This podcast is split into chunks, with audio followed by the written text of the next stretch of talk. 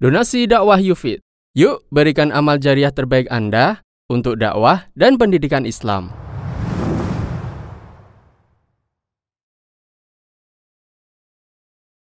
Ukuran fidyah Syekh Muhammad bin Soleh Al-Utsaimin mengatakan, cara membayar fidyah dengan memberikan makanan kepada orang miskin ada dua.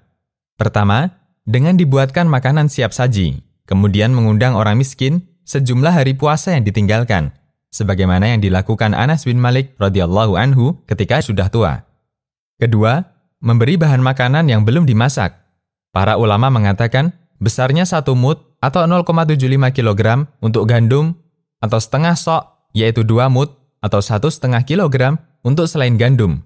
Akan tetapi, untuk pembayaran fidyah model kedua ini, selayaknya diberikan dengan sekaligus lauknya, baik daging atau yang lainnya sehingga bisa memenuhi makna teks ayat dalam firman Allah yang artinya wajib bagi orang-orang yang berat menjalankannya jika mereka tidak berpuasa, yaitu membayar fidyah dengan memberi makan seorang miskin.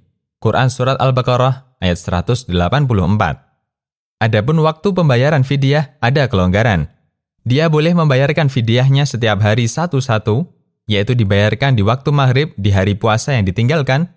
Dia juga boleh mengakhirkan pembayaran sampai selesai Ramadan, sebagaimana yang dilakukan Anas bin Malik radhiyallahu anhu. Asyarhul Mumti.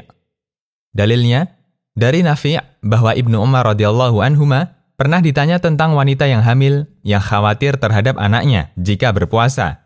Beliau menjawab, dia boleh berbuka dan memberi makan orang miskin dengan satu mud gandum halus sebanyak hari yang dia tinggalkan. Hadis riwayat Al-Baihaqi. Dari Anas bin Malik radhiyallahu anhu, bahwa ketika dirinya sudah tidak mampu puasa setahun, beliau membuat adonan tepung dan mengundang 30 orang miskin. Kemudian beliau kenyangkan mereka semua. Hadis riwayat Ad-Daraqutni dan dinilai sahih oleh Al-Albani. Demikian, Allahu a'lam.